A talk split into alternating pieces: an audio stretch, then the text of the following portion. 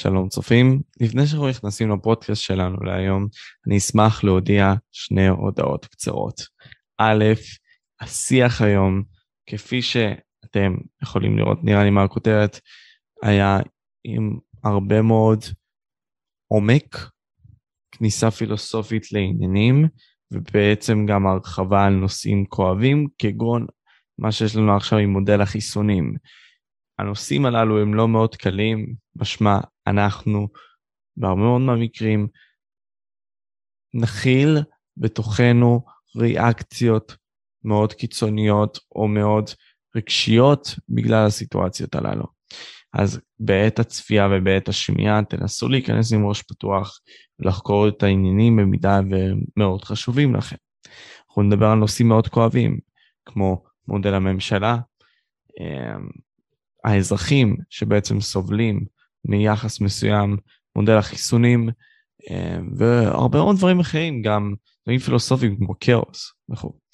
בכל אופן, לפני הכל, אה, אני רוצה גם להודיע הודעות עוד, עוד יותר קצרה. Uh, עד דקה בערך שמונה, שמונה וחצי כזה, לפי החותם הזמן, תראו בעצם את גל um, מדבר יותר תקוע, לא באיכות גבוהה, וזה בגלל שהיה בעצם בעיה בתוכנת צילום, um, וכך פשוט לא יצא טוב. זה ההודעות שרציתי להודיע, תנסו להיכנס עם ראש פתוח, כפי שאני תמיד אומר לכם. בואו ננסה לצאת עם תובנה מסוימת איכותית, אני מאמין שאנחנו יכולים לעשות זאת יחדיו. השיח הזה היה מאוד מדהים מבחינתי. אמ, אני אוהב להשתמש במילה מדהים, אבל אני מאמין אישית שהיה הרבה מאוד תובנות, הרבה מאוד עומק והרבה מאוד רצון להבין את מה שנכון. זהו חברים, בואו נתחיל בפודקאסט. ביי. שלום לכל מי ששומע את זה. בפודקאסט הזה אנחנו נדבר ביחד עם גל שלו. גל הוא יוצר תוכן בעל הפודקאסט איגנורנט צ'ים, שבו מנסה להילחם באמת סביב הקורונה. בדיבור על נושאים כמו הון שלטון, שחיתות, שקרים ועוד. הוא אקטיביסט שמנסה להילחם על כך שאנחנו, אזרחי המדינה, נראה את האור שהוא מקרין.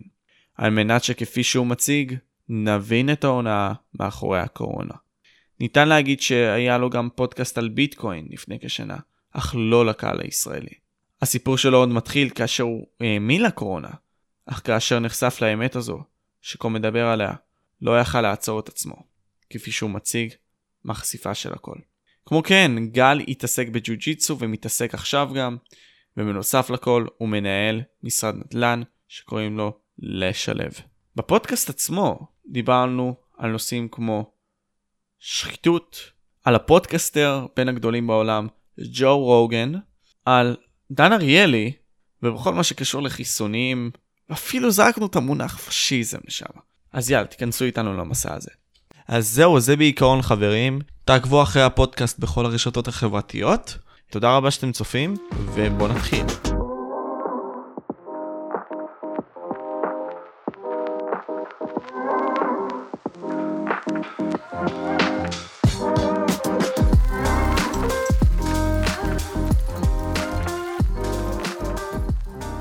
כל ההקדמה הזאת, אני אשמח שנתחיל. מה איתך, שלו? בסדר גמור, תודה רבה על ההקדמה. אני רק אתקן משהו, נולדתי בארץ, עברתי לקנדה בגיל שמונה, וחזרתי, אה, אחרי שחייתי בכמה מדינות, חזרתי ל- לישראל. אז ו... רגע, מה היה ההבדל בין קנדה לישראל מבחינתך בכללי? מה זאת אומרת? מאיזה בחינה? אה, נגיד עכשיו אתה הולך לרחוב, ואתה נמצא בסביבה התרבותית שמה. עד כמה, נגיד סתם, האם הקנדים יותר תרבותיים מישראלים, או שזה לא ככה, איך זה הולך? אני, לא, אני מאוד לא נמשך לקנדה, אמ, אני קורא לזה מדינת פלסטיק, זאת אומרת, אמ, בחיצוניות, בקטע היומיומי, כאילו כולם נחמדים, אתה יודע, לא מצפצפים ונותנים לך לעבור וכולם עומדים בתור כמו ילדים טובים, אבל בתכלס כשאתה צריך אותם הם לא, זה לא, זה לא מקום חם, זה, לא, זה, זה לא, לא תרבות חמה לטוב ולרע, כי אתה יודע, בתרבות חמה גם יש אנשים עצבניים ומראים לך גם את העצבים, אבל, אמ, אבל, אבל הקנדים, תראה, קנדה בנויה, אה, היא, היא, היא מולטי פאסט, היא, היא הכל, זה הודים, זה ישראלים, זה פרסים, זה רוסים, זה גרוזינים, זה, זה סינים, זה יפנים, זה אין, אין, אתה כמעט ולא פוגש קנדי אורגינל, לבן, כמו שכנראה אם אתה נמצא בניו יורק או במקומות מרכזיים באמריקה, אתה לא פוגש את האמריקאי הלבן, אבל זו מדינה, זאת מדינה, היום אני אפילו לא רוצה לדמיין מה קורה שם, אבל מדינה מאוד צייתנית, מאוד נקייה, מאוד קרה רוב השנה, לא נמשכתי. היו לי שם הרבה חברים, גדלתי שם עד גיל, אפשר להגיד מגיל שמונה פחות או יותר, עם on and off עד גיל 21. אין לי משהו טוב להגיד על המדינה הזאת. טוב, אז uh, בכללי דיברת על כך שקנדה בעצם היא לא הסביבה האופטימלית שלך, אבל בוא נדבר נגיד על ישראל, כן? אתה אתה יודע, אנחנו, בזמן שאני צפיתי בתוכן שלך וצפיתי בהרבה מאוד קליפים, כן, אתה מגן על המדינה הזאת בצורה מאוד חזקה. במיוחד על האזרחים שלה, כן, אנחנו פחות נדבר על הממשלה, אבל יותר על האזרחים שלה, שזה מראה עליך משהו. עכשיו, למה המדינה הזאת היא כל כך חשובה לך? באיזה בסיס היא נוגעת בך, שאתה אומר כזה, אוקיי, אני צריך להגן עליה בצורה כזאת? אמ, תראה, דבר ראשון, אני אהיה אמיתי, אני לא בהכרח אה, מגן על המדינה, כמו שאני, זאת אומרת, אני, אנחנו יכולים להיכנס לזה פילוסופית, אבל אני לא ממש מגן על המדינה כמו שאני מגן על הבנות שלי. כן. ובזה שאני מגן על הבנות שלי, האינטרס שלי זה שאנשים סביבי יתעוררו ויג, ויגנו על הילדים שלהם, ובכך אנחנו, יש לנו סיכוי לנצח. אני לא משחק אותה על אולטרואיסט או משהו כזה, אני כועס על הרבה מהאזרחים שאני נמצא סביבם.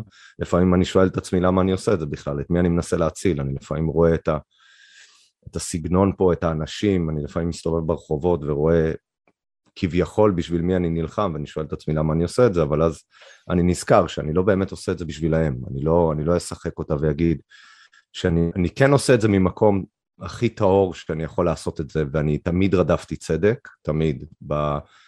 בעבודה שלי, ב, עם הלקוחות שלי, עם כל דבר שעשיתי בחיים רדפתי צדק והתפ, והתפטרתי בגלל חוסר צדק ועזבתי מקומות עבודה בגלל חוסר צדק, אז, אז זה תמיד היה טבוע בי, אבל אני לשנייה לא, לא אשחק אותה שאני מכיר את כל האזרחים של ישראל ואני בטח גם לא הייתי מסתדר עם רובם, אבל האינטרס שלי זה שאנשים יתעוררו ו, ו, ויבינו ויזכרו מה זה כבוד עצמי, מה זה כבוד למשפחה, מה זה התא המשפחתי, ובכך הם יעזרו לי להציל את הילדים שלי.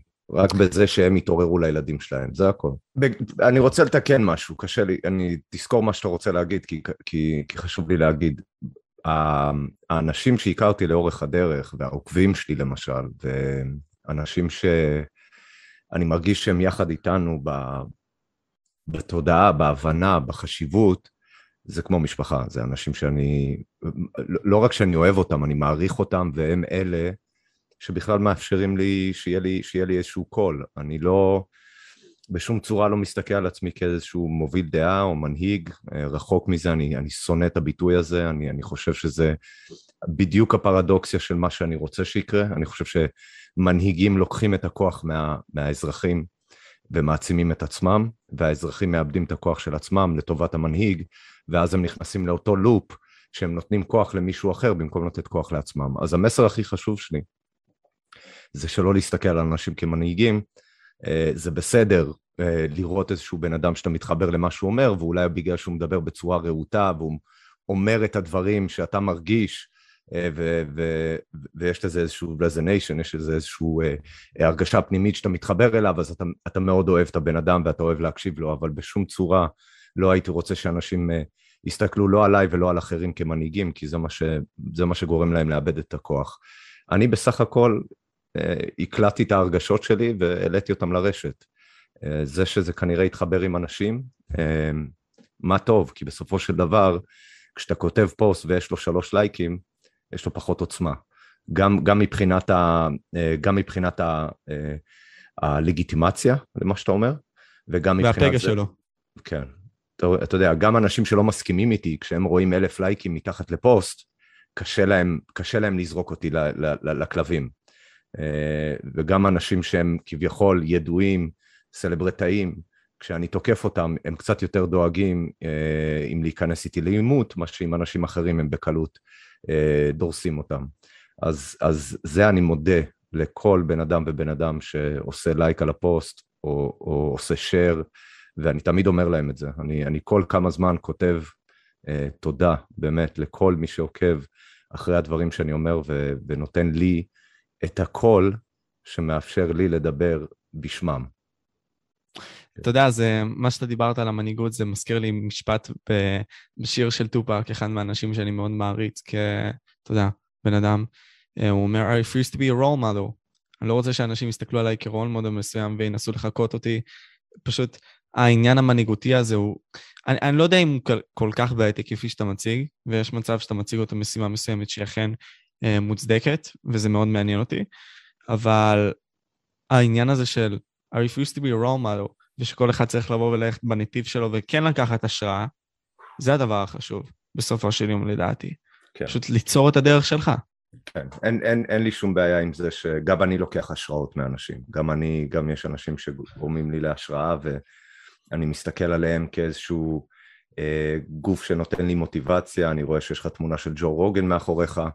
אה, yeah. אתה יודע, זה בן אדם שאומנם היום קצת יש לי כמה תלונות, מה זה תלונות? אין שום תלונה לגיטימית שאני יכול לתת, כן? זה רק הרגשה אישית שלי, אבל יש לי כמה, כמה תלונות לגבי איך שהכרתי אותו בהתחלה ואיך שהוא היום, אבל uh, הוא גרם לי, אתה יודע, בגללו לא היה לי פודקאסט, בגלל זה, אני לא יודע אם זה הכסף, אני, יכול להיות, יכול להיות, אבל uh, פעם, אם אני צריך להיכנס לזה, ולא כולם מכירים את ג'ו רוגן, אבל הוא פודקאסטר מאוד מאוד מפורסם, uh, שבאמת שינה את המשחק בצורה בלתי רגילה. לחלוטין. ומה שקורה עכשיו, הדבר היחיד שקצת קשה לי איתו זה שפעם הוא היה דעתן. היה לו דעות, mm. והוא היה אומר אותן בצורה רהוטה ו- ומהירה, והוא היה יורה את זה החוצה, והוא היה נותן עובדות, ופשוט הכל היה רץ לו. והיום, לפני שהוא אומר כל דבר, קודם כל הוא מתנצל, ואומר, אני טיפש, מי אני שאני אגיד, אבל אני חושב, כאילו הוא מתנצל על הדעות שלו, והוא הוא, הוא שינה uh, את הדעות שלו לגבי דברים מאוד פונדמנטליים, שאני לא יכול ממש להבין למה הוא שינה את הדעה שלו, כי אף אחד לא בא אליו עם איזשהו נושא חדש או עם עובדות חדשות שיגרמו לו לשנות דעה, חוץ מזה שזה נדמה כאילו הוא רק רוצה להתאים את עצמו יותר למיינסטרים. אז קצת מאכזב, אבל חוץ מזה אפשר להמשיך הלאה. אני אוסיף למה שאתה אמרת, ואחרי זה אני אמשיך את הנושא שיחה שלנו שהיה לפני זה, כן. אני גם הייתי עוקב אחרי ג'ו אורגן, כאילו, האומנם כשאני הייתי יותר קטן, לא הייתי צופה בו, כן, אני פשוט השלמתי פערים, ראיתי את הפרקים הראשונים שלו, ראיתי את כל הדיבורים שלו, את מה שאתה מדבר עליהם, אתה באמת, אתה מקבל את הפרק, אתה מקבל עובדות לפנים, וזה באמת מדהים, כאחד ש...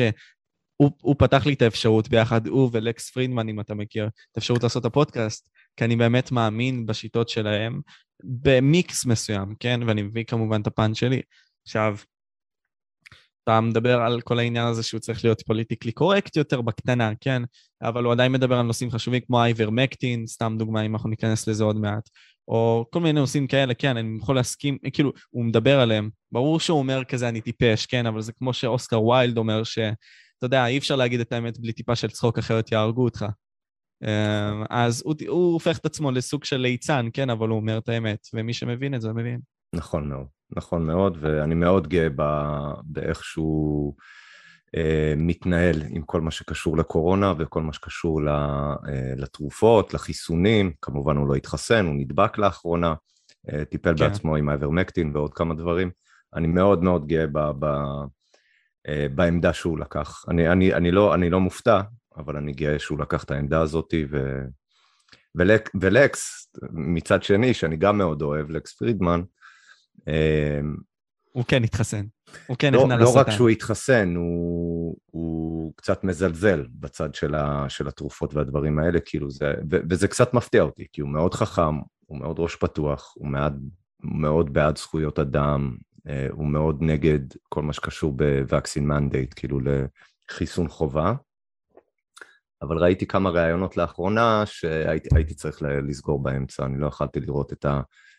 את הדרך שבה הוא בלע את השקרים של הבן אדם שהתראיין, מבלי לדחוף קצת ומבלי לשאול שאלות קצת יותר קשות, בשביל לראות אם היה שם קצת אמת, אבל בסדר, כל אחד אנחנו בשביל... ניכנס לזה בהמשך לגבי כל העניינים האלה, כן, כמובן לא על פי הדוגמאות האלה, כי אנחנו לא זוכרים, אבל אני מניח שעל הדברים הספציפיים האלה אפשר לדבר. אתה יודע, אני רציתי להיכנס לעובדה הזאת שאתה דיברת על הבנות שלך, ואני יכול מאוד להתחבר על זה. נגיד, כשפתחתי את הפודקאסט הזה, השאיפה שלי בסופו של יום היא להביא לאפשרות יותר טובה לאנשים שצופים בי, כי אני מאמין שיש עוד אנשים שיכולים לקבל את הניצוץ הזה, שהם כה צריכים. האומנם אני כבן 18, מי אני, כן? אבל אני מרגיש שעל פי החוסר ביטחון הזה שקיבלתי כשהייתי קטן והייתי צריך להתנהל איתו ולהתאקלם לעולם, הייתי צריך לעשות את האדפטציה הנכונה בשביל להתפתח ולהיות האדם שאני היום. והחוסר הביטחון הזה מניע אותי עד היום. כמו ש... אני לא יודע אם זה חוסר ביטחון, כן, אבל זה תחושה של חור כזה, שהוא אצלך פתוח, שאתה לא רוצה שיפגעו בו. כי אם יפגעו בו זה יכאב ממש לך, ואתה לא רוצה שיכאב לך, וזה למה אתה עושה את מה שאתה עושה. אז לא יודע, סתם הסתכלתי על זה מבחינה פסיכולוגית, וגם נזכרתי במייק טייסון, משהו שהוא אמר שבסופו של יום זה משהו שהניע אותו. התחושה הזאת שכל הזמן רודפים אחריו, כי הוא היה צריך להיות הרודף בסופו של יום בשביל לא למות. ככה הוא הכניס לעצמו את זה למוח. אז אני מבין לגמרי מאיפה זה מגיע אצלך, ואני חושב שכולנו פה, כל מי שצופה, אמור לקחת את אותם חוסר ביטחון או insecurities ולהניע אותם קדימה, ולהשתמש בהם כחוזקות ולא כחולשות. כן, אני מאוד מתחבר לזה. בסופו של דבר, אמ, להיות, אמ, לשים את עצמך בחזית, לא רק מאחורי מקלדת, אבל מול המצלמה, אחד, גם כשאתה יכול לטעות בסך הכל. אה, אתה יודע, אני, אני, אני יודע טוב מאוד מי אני ומה אני, ומה אני, ואני לא בדיוק רופא ולא מדען ולא מתמטיקאי ולא סטטיסטיקאי, ואני יכול לטעות בהרבה דברים, ואני שם את עצמי אה, במצב מאוד פגיע. אמ, אבל אני כן מנסה אה, להביא את האמת שלי, ואני גם מתנצל בדרך אם אני טועה.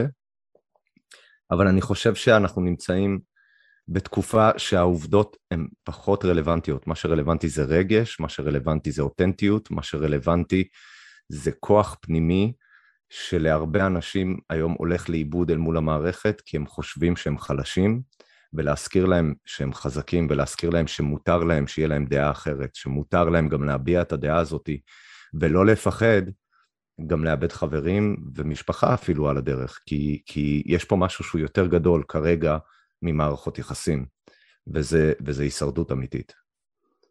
זה מזכיר לי מילים מהשיר של צ'ארלס בוקפסקי, שהוא בדיוק אמר את המילים האלה, כן? פשוט לבוא וללכת עד הסוף עם הדרך שלך, כי בסופו של יום, כפי שאתה אמרת, האותנטיות משחקת פליי בעולם של היום. ונגיד, זו באמת שאלה שרציתי לשאול אותך, כאחד שאתה באמת עם ראש פתוח, ורואים את זה באיך שאתה מדבר ברעיונות שלך. אתה לא באמת רק רדיקלי כלפי רעיון אחד. נגיד אה, עם חברנו מיכאל בלום, סתם דוגמה. מיכאל הוא טיפה יותר אגרסיבי בדעות שלו וכאלה, ואתה כזה, אפשר להגיד, אתה חופשי, אתה זורם כמו מים כזה, אפשר להגיד, כן? אה, ואני אוהב את מיכאל לגמרי, כאילו, אחלה בן אדם לגמרי. אני פשוט אומר שיש לך את זה. עכשיו, למי אני צריך לסמוך? כאילו, בתור בן אדם עכשיו שצופה בפודקאסט, על מי אני צריך לסמוך? על מי אני צריך לרדוף אחרי האמת? האינטלקטואלים? אנשים כמונו? אחרי מי? אה, זאת שאלה טובה. אה, אני תמיד הייתי אומר שהאמת היא חלקלקה והיא גם חלקית. זאת אומרת, אין, אין דבר כזה לתפוס את האמת. אה, האמת היא, היא שכבות, כמו שהשקרים הם שכבות. כמו שהמציאות שלנו היא שכבות. זאת אומרת, כל פעם שאתה מקלף איזושהי שכבה ואתה חושב שהנה מצאת את האמת, אז לגמרי הלכת לאיבוד, כי אתה, אתה לא מבין שיש עוד שכבה לק, לקלף, ואתה... האמת היא, היא פשוט, היא, היא מלאה בשכבות, ו, ועל איזה אמת אנחנו מדברים. אם אנחנו מדברים על אמת אה, בבריאות הנפש, אמת בבריאות הפיזית של איך, איך לאכול ואיך להתנהל, מדיטציות, אה, אה, דת, אמונות, זאת אומרת, האמת היא מאוד רוחבית, ואנחנו מנסים כרגע לתקוף מאוד נקודתית, משהו שכרגע נמצא על המטרה ו, ויש איזושהי אמת אבסולוטית, אף אחד מאיתנו לא יודע מהי, אבל אני כן יכול להגיד שלמשל הדברים שאני נלחם עליהם מבחינתי, הם לא, דבר, הם לא דברים שאפשר להתווכח עליהם. זאת אומרת, זכויות יסוד, זכויות יסוד זה משהו שאני לא חושב שאפשר אה, לבוא ולנפנף ולהגיד, אה, זה לא, זה לא בדיוק, זה, או שלא באמת דורסים אתכם, או שלא באמת פוגעים בכם, או שלא, זאת אומרת, יש פה משהו שרק מי שמחליט להתעלם אה, יכול להגיד שהוא עדיין חי בדמוקרטיה, או שהוא עדיין חי באיזושהי תקופה שמכבדת זכויות אדם ומכבדת את הפרט. אז אם אני נכנס, ואני מקווה שאני עונה, עונה על השאלה, אם, אם אני נכנס לאיזשהו ויכוח או דיון עם מישהו שאוטומטית מנפנף את מה שקורה פה למשל עם התו הירוק, אז אני יודע שיש לי, לי כרגע בעיה יותר עמוקה מרק לדבר אם יש מגפה או אין מגפה, אם כדאי להתחסן או לא כדאי, קודם כל צריך להחזיר את הבן אדם אחורה לרמת החשיבות של מה זה חירות, מה זה כבוד אדם וחירותו, מה זה כבוד עצמי, מה זה, מה זה, מה זה כבוד למשפחה שלך, לגוף של הילדים שלך, ולאן דבר כזה יכול להוביל במידה ולא נכבד את זה. אז לפעמים אתה צריך לעזוב בכלל את המטרה העיקרית ולחזור קצת היסטורית, קצת פילוסופית, קצת אה, אה, אפילו לדבר ברמה הפוליטית, אבל אה, אני חושב שזה כמו מוזיקה. אני חושב שזה מאוד mm. כמו מוזיקה, זאת אומרת, אתה יכול להיות שאתה אוהב אה, סימפוניה ופסנתר, ו- ו- וזה הדרך שלך למצוא את האמת, את הרגש. בן אדם אחר זה דרך ראפ, בן אדם אחר זה דרך דיסקו, טראנס, כל מיני דברים כאלה, אז לשאול אה, אחרי מי כדאי לך ללכת, זה אחרי מי שמרגש אותך. אבל בו זמנית לא להיות אמ, לא להיות נאיבי מדי ולתת לבן אדם אחד להוביל את כל הדעות שלך ואת כל המהלכים שלך, כי כל בן אדם יכול לטעות, ואף בן אדם הוא לא אוטוריטה לחיים שלך. נכון, אני, אני יכול לגמרי להסכים עם זה, כי בסופו של יום אנחנו צריכים לנסות למצוא את האיזון הזה. כי אי אפשר לבוא ולחפש את הכאוס רק, או את השלבות רק, ואני אכנס לזה תכף, כן, אבל אתה יודע, הרי העולם שלנו עכשיו נמצא בכזה כאוס, כי הבסיס הוא לא ידוע. ככה אני מרגיש. הביולוגיה שלנו, סתם דוגמה, זה משהו שאני מדבר עליו כל כך הרבה. הביולוגיה שלנו נשכחת, זאת אומרת, כל הדברים הבסיסיים האלה של חיזור, איך הוא הולך. של, אוקיי, איך אני ואתה אמורים לדבר, באיזה דיסקשן, האם אני צריך להקשיב לך יותר, או אני צריך לדבר. מה, מה הולך פה? הביולוגיה נשכחה, הבסיס נשכח, המושגים נשכחו. אנשים בעצם מדברים בשפה דלה, או אם ניכנס ל-1984, סתם דוגמה, אנחנו פשוט מדברים עבה, אבל אנחנו לא מדברים תכלס, והתכלס מתפספס. עכשיו, אני שואל את עצמי, מה אנחנו, או שזה לא אנחנו צריכים לעשות, מה העולם צריך לעשות בשביל להרגיש את התחושה הזאת של, אוקיי, אנחנו יודעים את הבסיס. האם בכלל יש משהו נחוץ בזה לדעתך?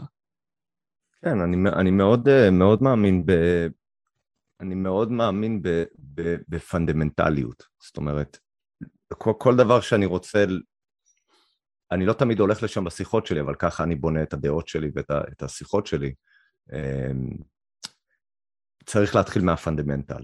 זאת אומרת, ו- ו- ואתה מגלה, כשמתי שאתה יורד לפונדמנטל, שזה הבסיס של כל דבר, אז אתה מגלה ש- שיש יש איזשהו עמוד תווך יותר חזק ויצ... ו... ו... ומוצק בשביל לבנות עליו את האמיתות שאתה מאמין בהן.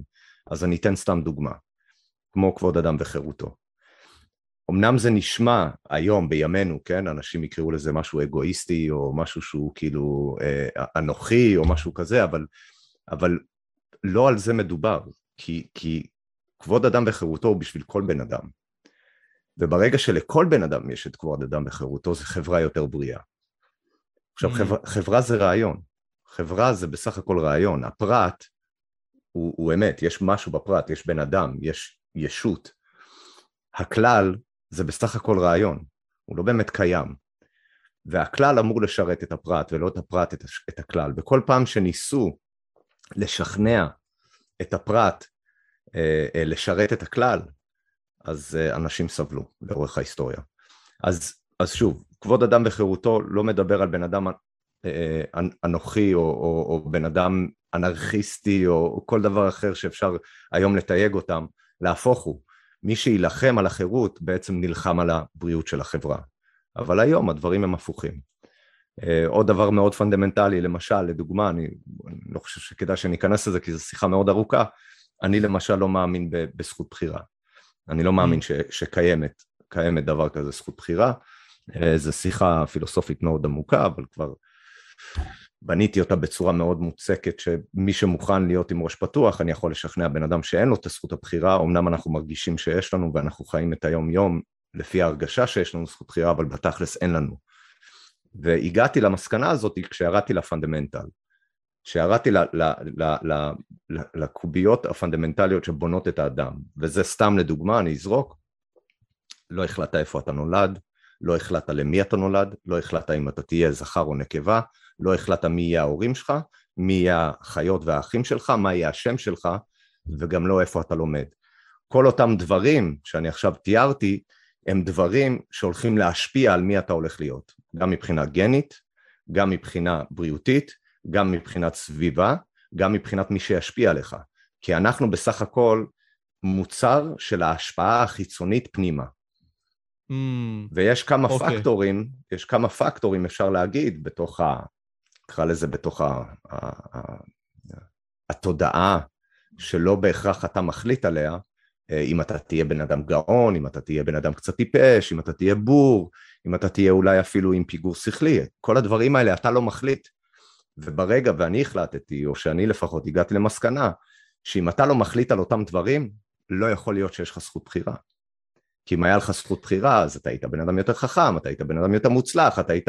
בסופו של דבר מה שיוצא זה שאתה מקבל איזשהו יד עם קלפים, ואיתם אתה חושב שאתה עושה את המקסימום, אבל אתה לא שם לב שכל שחקן בשולחן גרם לך לעשות את מה שעשית, דרך פחדים, דרך uh, התערבויות יותר גבוהות, זאת אומרת, אני לא רוצה להיכנס לזה יותר מדי ולחפור, אבל מה שאנחנו לא שמים לב זה שהעולם החיצוני משפיע עלינו, ואנחנו, זה input output, זה נכון. מקרה, ותגוב, זה מקרה ותגובה. קורים לך דברים ואתה מגיב בהתאם, אבל איך אתה מגיב מאוד מאוד קשור לאיפה גדלת, אם אתה זכר או נקבה, עם, עם מי גדלת, מי לימד אותך, איזה ניסיונות היו לך בעבר, כל הדברים האלה בונים את השנייה הזאת של השיחה שלי ושלך. לגמרי, לגמרי. אתה יודע, יש משפט שארנולד אמר, בסופו של יום, האנשים האלה שהיו איתו בחדר כושר ונתנו לו את המיטות, ונתנו לו את האוכל, והוסיפו לו את ה-membership עד לסוף השבוע, הם אותם אנשים שגרמו לו להצלחה הזאתי. אין באמת self-made man, מה שנקרא, אדם אשר יצר עצמו. אין דבר כזה. כי אותם אנשים, כפי שאתה מתאר, שבעצם השפיעו עליו מבחינה סביבתית, אשר הושפעו מהעבר שלו, כלומר, הוא בעצם היה הבן אדם המסוים הזה, אשר הובילו אותו לאופי שלו היום, והוא נקשר אליהם, ובעצם גרם לכך שבעצם הם התפתחו ביחד.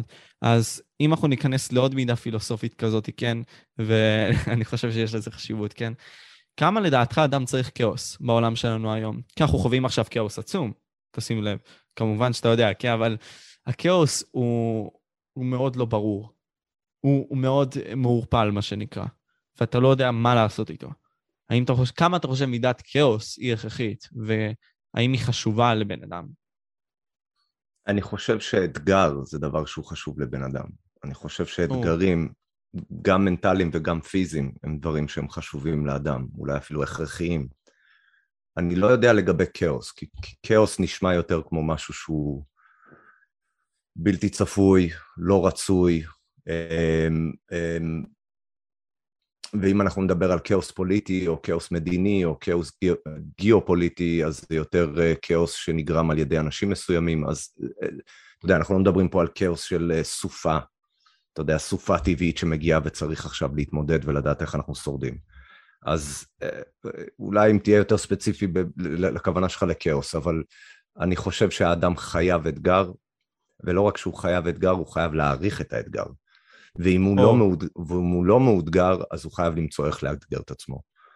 וזה יכול להיות אפילו בזה שהוא שם את עצמו מול מצלמה ואומר את האמת שלו, גם אם זה מסוכן לו חברתית, אמ, לשם שלו, לקריירה שלו.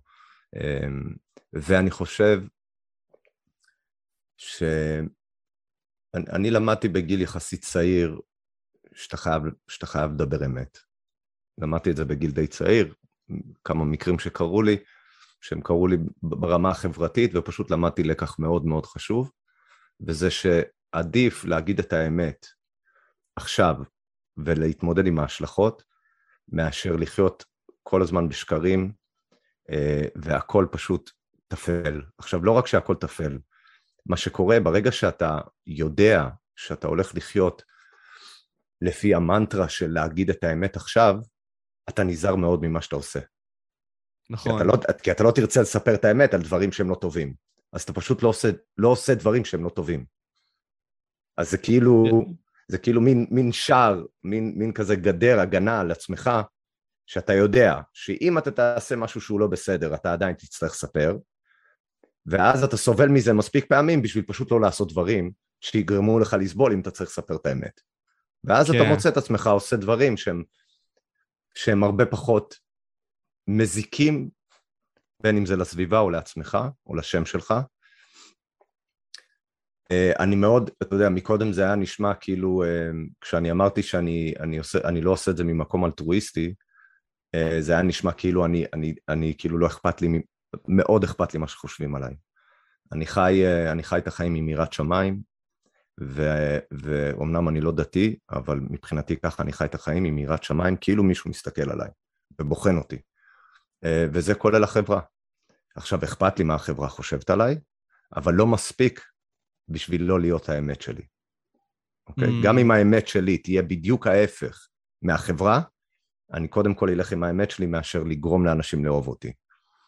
אבל אני תמיד אנסה להיות בן אדם טוב סביב אנשים, אני תמיד אנסה להכיל אותם, אני תמיד אנסה לתת להם את המקום שלהם, אני תמיד אנסה להסתדר איתם, לתת להם להרגיש רצויים.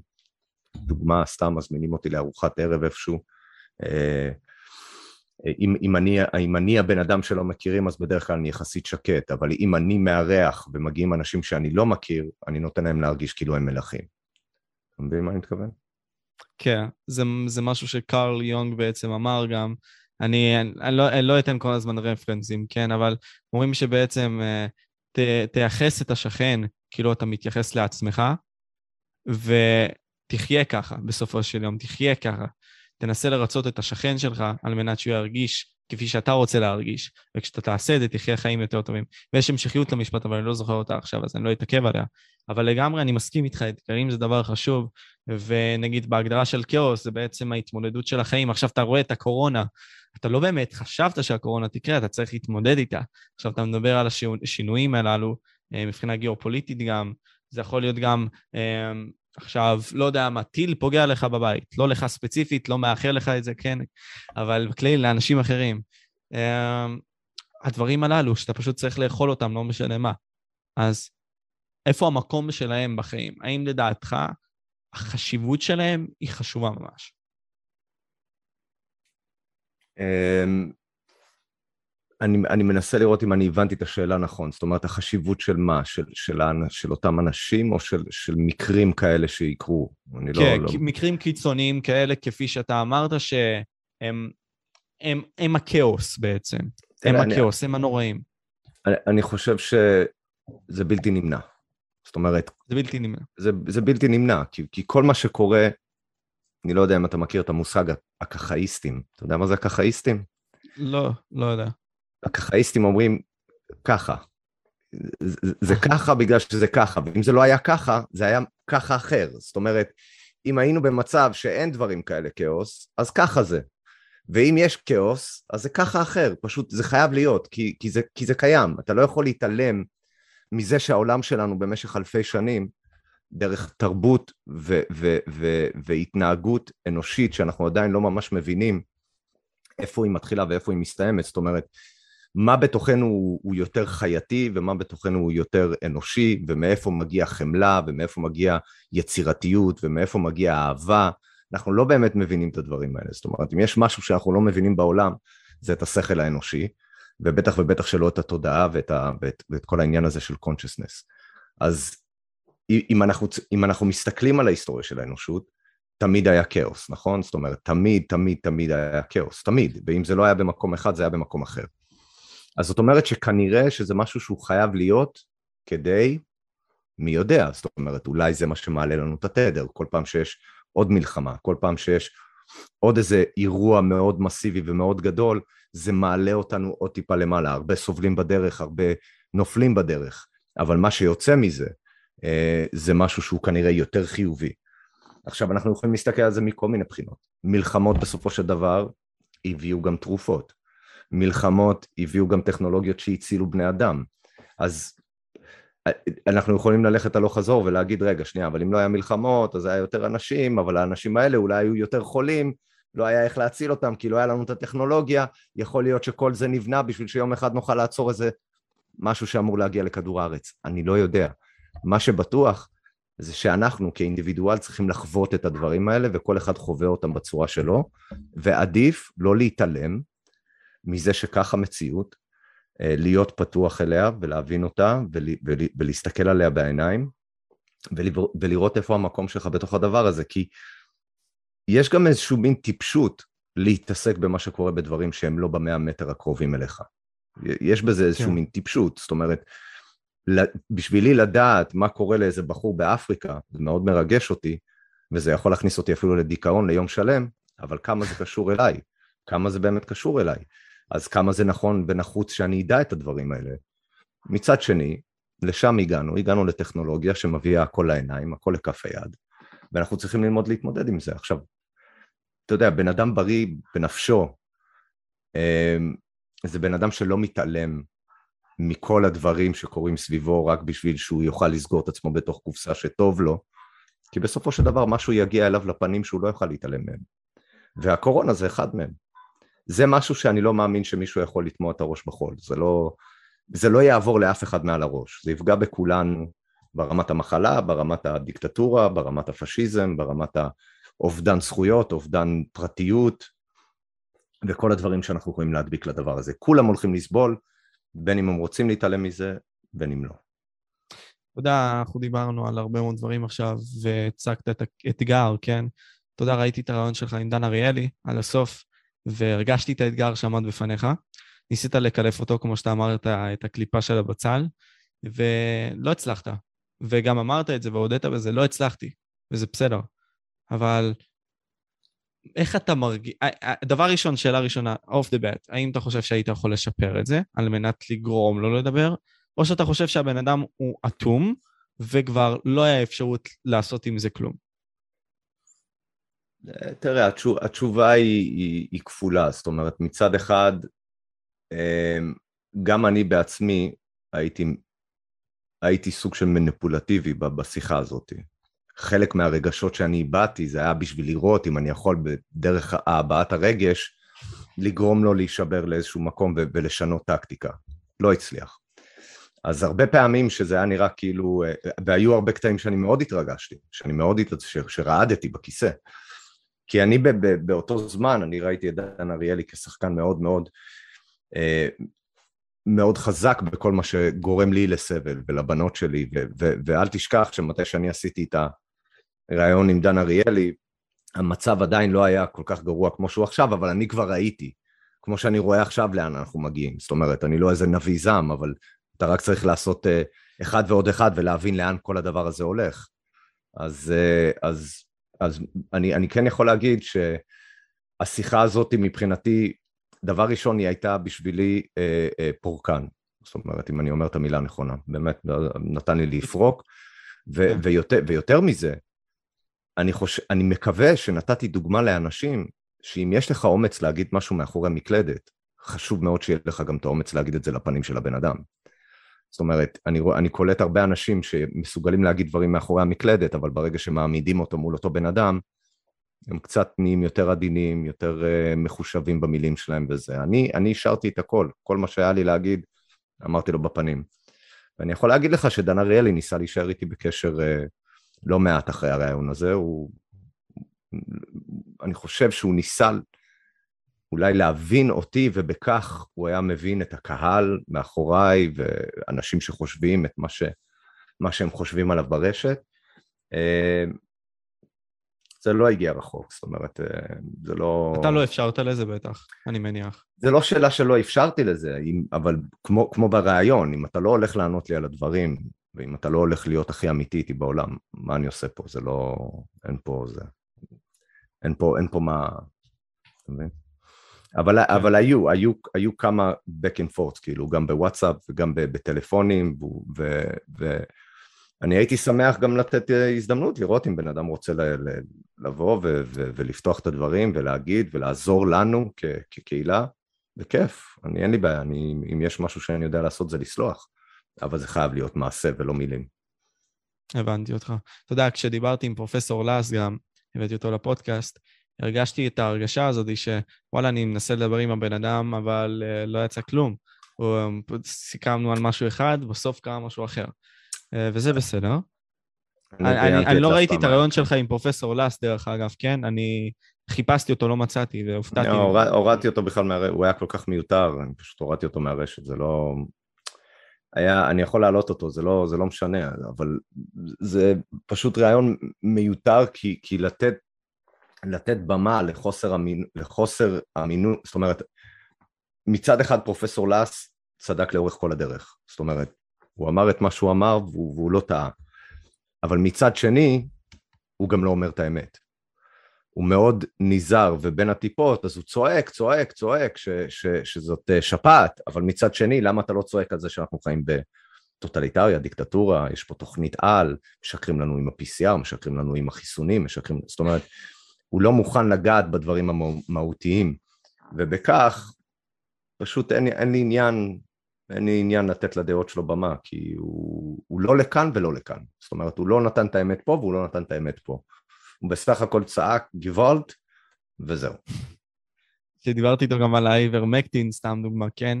כי באמת חקרתי על זה באותו זמן, אמרתי לעצמי, אוקיי, אולי יש פה פרצה, בריאיון הזה הוא ידבר על זה. לא, הבן אדם אמר שהמחקר לא מספיק מבוסס, מה שאני כן מבין, אבל הוא לא נתן איזשהו קצה חוט כזה להגיד, אוקיי, אפשרי בזה להשתמש, כי הרי ככה וככה וככה. ואני אומר לעצמי, האם בסופו של דבר זה שווה כל הפעמים האלה שאנחנו מנסים לראיין את אותם אנשים? ואני, אתה יודע, אני לא, אני לא אגיד שאתה קיצוני, כן, אבל אני עדיין בא באופטימיות הזאת שהמצב לא נורא כמו שהוא. לא יודע למה, אני, אני, יכול להיות שזה בגלל שאני עדיין כזה נאיבי, צעיר כזה, אתה מבין? אבל אני מבין לגמרי את המציאות, מבין לגמרי את העובדות, אבל אני עדיין נותן כזה דאוט שזה יכול להיות יותר טוב, והאנשים הם לא עד כדי כך כפי שמוצגים. אמ, אתה יודע, אני, אני, אני חי על תקווה, אבל התקווה שלי היא לא לזמן הקרוב. זאת אומרת, אתה יודע, אף אחד לא, לא אמור לבחון את החיים לפי מה שקורה מחר.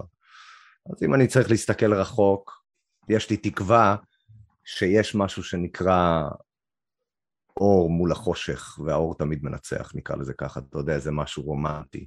זה גם הוכיח את עצמו לאורך ההיסטוריה.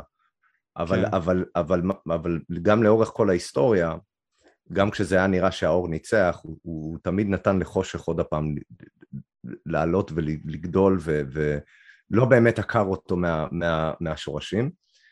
Uh, זאת שאלה שהיא גם מבחינתי שאלה פילוסופית, זאת אומרת, איך, איך אנחנו, בוא נגיד וניצחנו, איך uh, דואגים שדבר כזה לא יקרה שוב? זו שאלה מאוד מאוד מאוד טובה, וצריך באמת לחשוב עליה איך עושים את זה בצורה, כי אתה לא יכול לשטוף דם עם דם, אתה לא יכול לשטוף ידיים. סיסטמטית, כן. כן. אתה לא יכול לשטוף ידיים עם דם, עם ברז שיוצא ממנו דם. זאת אומרת, אתה לא יכול לגרום לסבל שאתה נלחם נגדו. זאת אומרת, שאם אתה עכשיו מנצח בתור האור, ואתה עכשיו תגרום סבל לאנשים שהתנהלו ממקום של בורות, שהתנהלו ממקום של... אתה יודע, חוסר הבנה להשלכות ודברים כאלה, אז איפה החמלה שלך? מצד שני, אתה מביא חמלה, אתה מאפשר לרוע עוד הפעם לגדול. שאלה מאוד מאוד טובה, ועוד הפעם אנחנו חוזרים לזה שזה בלתי נמנע שיהיה רע וטוב כל הזמן בחברה שלנו. אמ, אני, אני חושב שלא משנה מה יהיה, אה, וזה משהו שאני החלטתי עם עצמי, ברגע שאני הבנתי לאן הכיוון הזה שאנחנו הולכים אליו. אה, אני יודע ש... ועוד הפעם, אף פעם לא העמידו לי אקדח לראש, אבל אני עדיין רוצה להאמין שגם אם יעמידו לי אקדח לראש, אני לא אוותר על, ה, על האידיאולוגיה העמוקה מאוד של החשיבות של החירות, אה, ויכול להיות שעדיף לי גם לא להיות בעולם כזה שאין בו חירות ואין בו כבוד לפרט ולאדם,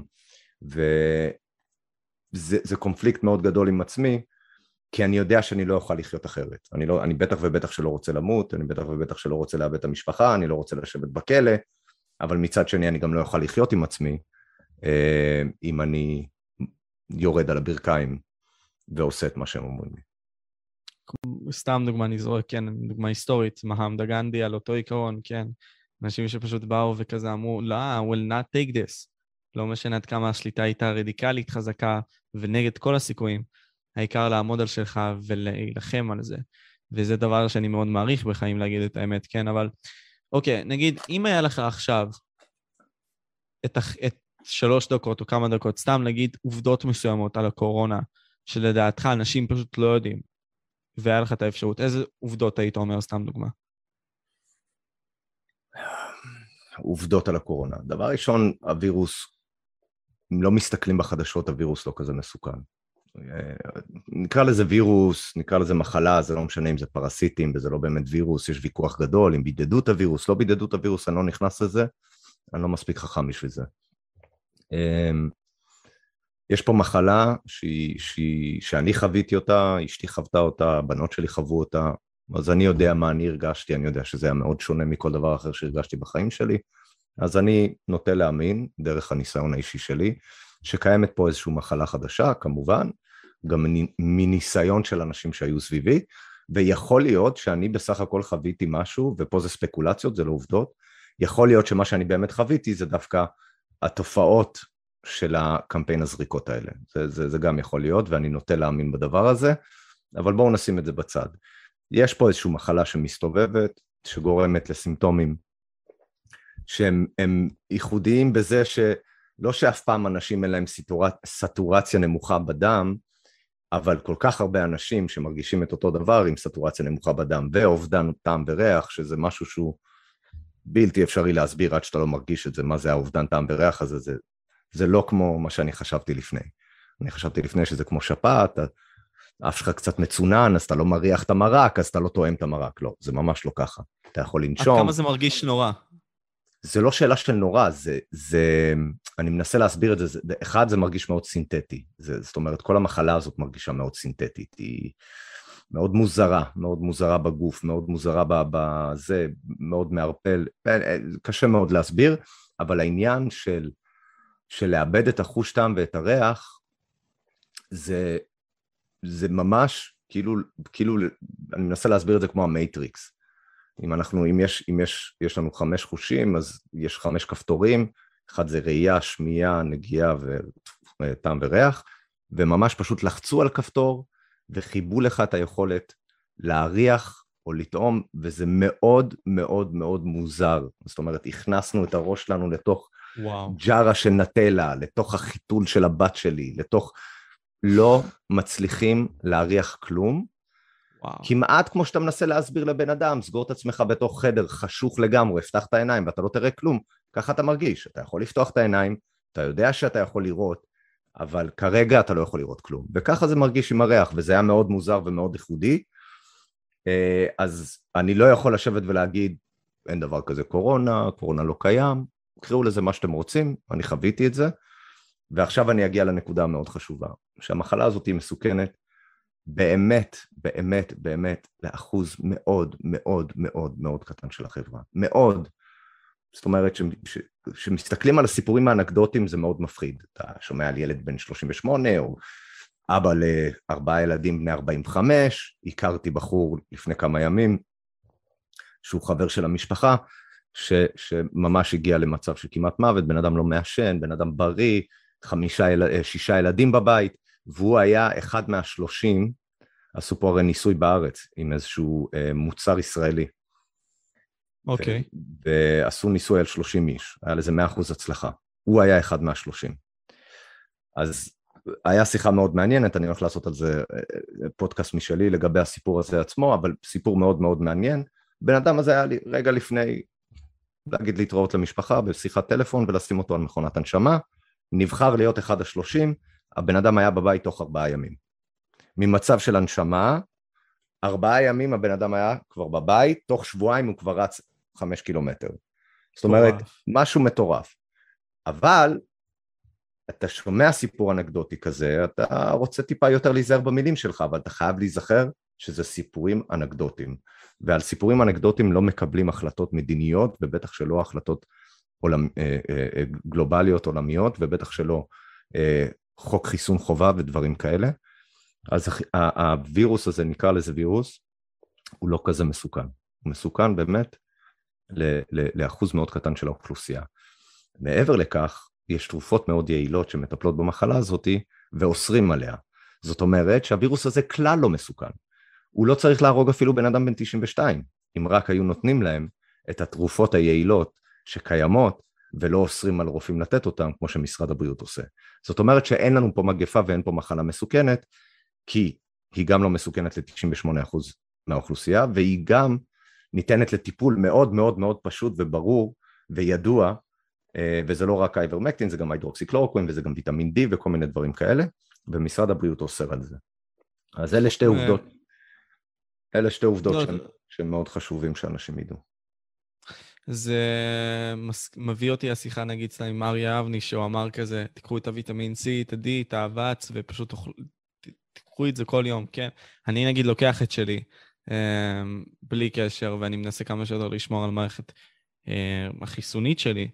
אבל לי נגיד, יש אנשים בבית שהם עובדים בבתי חולים, סתם דוגמה, אה, וגם קרובי משפחה שעובדים בבתי חולים, ואני כזה ישבתי, דיברתי איתם, וכשהעליתי להם את העניין הזה של המערכת החיסונית, הם אמרו לי, זה לא משנה, המערכת החיסונית שלך. כי הרי אם אתה תקבל את המחלה, אתה תקבל אותה לא משנה מה. ואני אומר לעצמי, האם זה באמת נכון? או שהסטנדרט שלנו מאוד נמוך, מה שמאפשר לנו לקבל את הדברים הללו בצורה כזאת. כי נגיד סתם ויטמין D, אני יודע ש-90 ומשהו אחוז מהאנשים בעולם בכלל במחסור מטורף של ויטמין D. אז... מחסור מכוון. ב... אוקיי. זה מחסור מכוון. אתה היום הולך לכל פרמסי במדינת ישראל, או חנות אינטרנטית שקיימת בתוך הארץ, אתה לא תמצא אמ, יותר מ-400 יחידות, זאת אומרת, ויטמין D של 400 יחידות. לי יש אלף. ויש אלף, ויש אלף. אז תחשוב שאתה צריך לקחת עשר כדורים ביום בשביל לקבל את מה שהמינימום שאתה, שאתה אמור לקחת מבחינת ויטמינים. אמ, אבל תראה, אני, אני איבדתי המון המון המון אמון וכבוד למערכת הרפואית, גם לרופאים כאינדיבידואלים, ולא בגלל שהם לא אנשים חכמים, ולא בגלל שהם לא עשו את הלימודים שלהם כמו שצריך, ולא בגלל שהוא לא יודע אולי לנתח, או לא יודע לטפל בחולה כשהוא מגיע, אבל הם אנשים מאוד רובוטים, הם, אין להם זמן לחקור, אין להם זמן לקרוא מעבר, והם עובדים לפי פרוטוקול. אז אם אנחנו ניתן איזושהי אנלוגיה אולי למוסך של אאודי, אוקיי? ו, והעובדים בתוך המוסך של האאודי יודעים שאם בן אדם מגיע בשביל החלפת שמן, פותח את השמן, עושה את הזה, עושה את הפילטר, עושה את הזה, סוגר, הולך. הוא לא יתחיל להסתכל על הברקסים, הוא לא יתחיל להסתכל על זה, זה הטיפול. עושה את העבודה שלו. עושה את העבודה שלו, שולח את הרכב. הבן אדם הבא יכול לבוא ולהגיד לו, תגיד, איזה ברקסים הוא שם ברכב?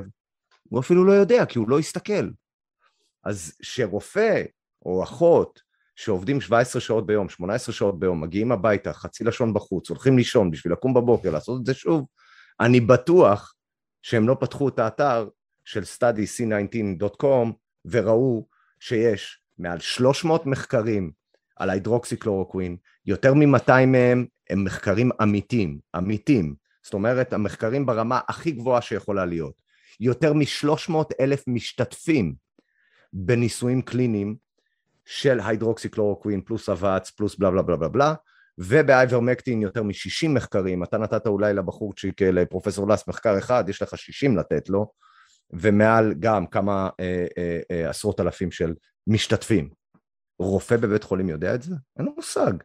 המקסימום שהוא יודע זה מה שהוא עשה כשהוא בא להירדם, מנקר על, ה, על, ה, על הספה, והוא שמע את ברבש אומר, חייב חיסון, כי אנחנו הולכים להיות עם מיליון מתים אה, עד אה, שנה הבאה. זה, זאת אומרת, הם לא שונים, הם לא, הם לא סופרמנים. הם, הם, אני, אני חושב שאני מרשה לעצמי להגיד שבן אדם מן השורה שיושב וחוקר עשר שעות ביום, אחרי שנה, ידע יותר על המצב מאשר רופא, הכי פרופסור שיכול להיות, שאין לו זמן לעשות שום דבר חוץ מאת העבודה שלו.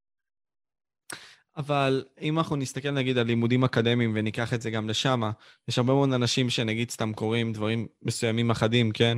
אבל הם לא יודעים את התמונה הכללית, אפילו אם שהם משקיעים כל כך הרבה זמן על הלמידה הזאת. אבל אני חושב ש... אתה צודק בטענות האלה, אני מסכים איתך לגבי זה שאני חושב שהיו אמורים יותר להיות אנשים שנגיד בתחום הרפואה שהיו אמורים לעמוד, להגן על שלהם, ובאמת לעזור לאזרחים בעצם באמת הזאת. באמת הזאת של המחקרים האמיתיים האלה, אבל אתה יודע, ונראה לי גם ציינת את זה מתישהו, אבל אני אחדד את זה גם בשייפ שלי, אי אפשר כל כך להעמיס עליהם אם נגיד סתם כמות העבודה שיש להם. אי אפשר להעמיס עליהם מהכמות חובות שיש להם. אני... אי אפשר, לה, כאילו... לגמרי, זה, לא, זה... אין לי, אין לי, אתה יודע, הביקור, אני, אני אמרתי שוב, זה, זה נובע ממקום שהם לא יכולים, אני לא, אני לא מאשים אותם. אני כן אאשים כן. אותם על זה שהם, יש, יש רופאים ששמים פוסטים של פשיסטים, לא מעניין אותי כמה אתה עסוק, לדבר בצורה פשיסטית זה, זה, זה, זה פשיזם, זה לא משנה אם אתה עסוק או לא עסוק, איפה האנושיות שלך, אבל אני לא מאשים אותם, אין לי, הם, הם, הם, שטופי מוח בדיוק כמו האזרחים, מה שאני כן אומר, זה שתרשה לעצמך לזלזל במה שהם אומרים, כי הם פשוט לא יודעים. לא בגלל שהם רוצים לא לספר. עכשיו, אם, אם יש לך דודה שעובדת במחלקת קורונה ויש שם 300 אנשים והיא מתקשרת אליך ואומרת לך, המקום עמוס, יש 300 אנשים, ברור שאתה מקשיב למה שיש לה להגיד, כי היא, היא חווה את זה. אבל בזה שהיא תגיד לי אם ההידרוקסיקלורוקווין או, או אייברמקטין, תרופה נכון. שבכלל לא ידעה שקיימת, היא תגיד לי אם זה עובד או לא, בזמן שאנשים מגיעים עם קורונה, הם עדיין במצב שהם לא שמים ישר אינפוזיה של ויטמין D לבן אדם? זה עדיין הפרוטוקול שלהם? לתת לו להגיע למצב של קוצר נשימה יותר ויותר ויותר גרוע, לפני שהם שמים לו צינור לתוך הגרון? זה הפרוטוקול שלהם, אחי. קצת סטרואידים, קצת, אה, אה, אה, אה, אה, קצת אה, אה, אנטיביוטיקה, זה מה שהם עושים. דיברתי עם מספיק אנשים שהגיעו למצב קשה בבתי חולים, והם אמרו לי בדיוק מה קורה שם. וזה פרוטוקול, אבל... זה לא, כן. זאת אומרת, כולם עובדים אותו דבר. יותר חמלה, פחות חמלה, יותר מתייחסים, פחות מתייחסים, זה כבר כל אחד וה, וה, וה, והעבודה האינדיבידואלית שלו, אבל מבחינת פרוטוקול, זה הפרוטוקול הכי נוראי שיכול להיות, אי פעם. אני יכול להבין מה שאתה אומר, ולגמרי כשאתה אומר את זה ככה זה באמת נשמע מוקצן, כי... כאילו בדברים האלה ספציפית, ואני עכשיו רוצה שניכנס deep לדברים האלה, כן? כי נגיד עכשיו יש לנו את אותן חברות, נגיד סתם אם נלך לפארמה, בסדר? אני נגיד סתם ראיתי איזשהו דוקומנטרי בנטפליקס, במקרה חבר שלי רצה להפוך אותי לטבעוני, אני לא זרמתי עם הרעיון הזה, אבל הקשבתי לו, כן? אה, ראיתי את זה ונחשפתי לעולם הזה עוד יותר, וראיתי נגיד שחברות הסרטן, אה, קרנות הסרטן יותר נכון, מעודדות אוכל שגורם לסרטן, ואותם אנשים מקבלים ספונסרים, אותן חברות שבעצם מייצרות את הדברים המסרטנים האלה, הקרנות, הכוונה. אז מרגיש לי שהעולם מלא בשחיתות עצומה, ואנשים פשוט עיוורים לזה. לא מכך שהם פשוט לא רוצים לדעת, אלא הם פשוט מכוונים לכך שאוקיי, בוא לא נשאל יותר מדי שאלות, כי כמו שאתה אמרת, אה, צריך לשמור על העץ שמולנו, וזהו. זה, זה מזכיר לי מאוד את המחקר הפסיכולוגי הזה, שלקחו קבוצה של 15 אנשים, נתנו להם איזושהי פעולה לעשות, זרקו להם, אמרו להם כזה, תמסרו אחד לשני כדור, וביניהם עבר גורילה מסוים, בן אדם שהתחפש לגורילה, והם פשוט לא שמו לב אליו, רוב האנשים, כי הם היו מרוכזים בפעולה. כשאני אומר את זה, פשוט האנשים היו מרוכזים בדברים שלהם, והם פספסו את העולם הכללי הזה. כשאתה מבין אותו, אתה נחשף אליו, כמו שאתה דיברת על ביל גייטס וכו', אתה מבין עד כמה יש שחיתות. והשאלה העומדת מכך, מה צריך לעשות עם זה? תראה, עוד פעם, זה חוזר לשתי דברים שאני אמרתי. אחד, אין לך זכות בחירה. אז גם אלה שאין להם, אז גם אלה שהם, שהם ככה, הם חיים את החיים שלהם, אין להם זכות בחירה, אלא אם כן איזשהו ניצוץ מיוחד ייכנס בהם, או איזשהו ניסיון קיצוני יקרה להם בחיים. לדוגמה, כל כך האמינו בחיסונים האלה, חס וחלילה לקחו את הילד בן 14 שלהם, הילד יום למחרת עם דלקת קרום הלב, ואז בכורחו או ברצונו הוא נכנס לתוך עולם של מחקר, איך הדבר הזה קרה לילד שלו ואיך הוא לא ידע מזה. ואז לאט לאט הוא מתחיל להבין שרגע, אבל אני רואה חדשות וכל היום אומרים לי שכמעט ואין תופעות לוואי. פעם ב... זורקים איזה, אתם יודעים, אחד מתוך כמה אלפים יש להם מיוקרדיטיס, מי חשב שזה יקרה לילד שלי? ואז הוא בבית חולים עם הילד, והוא רואה עוד חמישה ילדים עם אותו, בח... עם אותו מחלה, ואז הוא... הוא מדבר עם ההיא למטה בסיגריה, והיא מספרת שבעלה גם עם אותו דבר, והוא למ... ואז הם נכנסים לתוך העולם הזה והם מתעוררים, אבל שוב, זה לא היה מזכות בחירה, זה היה, זה היה מ... מ... מניסיון אישי שקורה להם. עכשיו, אני כבר מזמן, כשאני אומר מזמן, היום מזמן זה כבר חודש, כי הכל עובד כל כך מהר, אבל אני הבנתי שאין יותר מה אה, להילחם על עובדות. זה מלחמה של רגש, זה מלחמה של תודעה. ו, ואם אתה לא יכול לסדוק את הסכר, בוא נקרא ל, ל, ל, ל, לחוס, בוא נקרא לזה בורות, אבל בצורה, אה, בצורה מכבדת, אוקיי? בסך אוקיי. הכל בן אדם עם חוסר אינפורמציה הוא בן אדם בור. זה לא, זה, לא, זה לא טיפש, זה לא מפגר, זה לא כבש, זה לא זומבי, בור זה בן אדם שבסך הכל לא יודע משהו על משהו. אז הבורות הזאת שכרגע יש לאנשים לגבי המערכת והשחיתויות וכל הדברים האלה, נובעים מכך שהם פשוט לא מתעסקים בזה. ולא רק מזה שהם לא מתעסקים בזה, אלא הם סומכים על אותן מערכות. אז אין להם אפילו את הרצון ללכת ולבדוק, כי מבחינתם האנשים היחידים שמדברים דברים רעים על המערכות האלה הם קונספירטורים, דיסאינפורמטורים. אז, אז הם בכלל, הם אפילו לא רוצים לשייך את עצמם לאנשים האלה, ובכך בכלל לא מתקרבים לאינפורמציה שיכולה להציל את החיים שלהם ושל הילדים שלהם. אז זה חוזר חזרה לזה שאני אומר, מה שאני מנסה לעשות, לפחות ב... אם זה בסרטונים שלי ברכב, בין אם זה בפוסטים שלי, בין אם זה בדוקומנטרים שלי ובין אם זה אה, בראיונות שלי, אני רוצה להישאר קונקרטי, רגשי, ולגרום לבן אדם לשאול שאלות. ואולי אפילו להביא אותם למצב שהם כל כך מתעצבנים עליי, שהם רוצים להוכיח אותי דפוק, טועה ומפזר פייק ניוז, שהם בודקים בעצמם ואז הם מגלים שוואו, יש פה, יש פה אינפורמציה שאני צריך קצת אה, להכיל ולהבין, ואז אולי, אז, אז זה סדקים בסכר הזה של הבורות. זה לא לבוא ולשבור אותו, אתה לא יכול לבוא ולשבור סכר, אבל אתה יודע, נכון. סדק פה וסדק כאן, ועוד איזה צ'יפ, ועוד איזה זה, אז אתה יודע, להביא אינפורמציה על אלרעי פרייס, להביא אינפורמציה על ברבש, להביא אינפורמציה על גליה רהב, טיפה לערער בהם את האמון שלהם במערכת הזאת, כי גם לא הייתי רוצה להיות בן אדם שהכל נופל לי בבת אחת, זה מאוד מפחיד. זה לגמרי מפחיד, כי כשאתה מבין את זה אתה בשוק טוטאלי, ואני מניח שגם הרגשת את זה, אבל אתה יודע, אני נגיד סתם התחסנתי בגלל הלחץ החברתי, אז אם נלך עכשיו לפשיזם וכל העניין הזה, כן? Uh, למרות שאני לא משתמש במונח הזה, כן, אבל משתמש במונח שלך, כן? Uh, אני התחסנתי בגלל שאני הייתי מנהל של ארגון קשישים, של ניצולי שואה וכו', ואני אמרתי לעצמי, אוקיי, אין מה לעשות, אני אשים את עצמי בפרונט בשביל שלהם יהיה יותר נחמד, כי אני ניהלתי את זה, ולא היה לי מה לעשות. ולי כאב הלב כשעשיתי את זה, אבל אמרתי לעצמי, אוקיי, לפחות אני אוכל לשמח את זינה, סתם דוגמה, כי אני אוכל לתת לה את מה שמגיע לה, את המאפה הזה שאני מכין לה.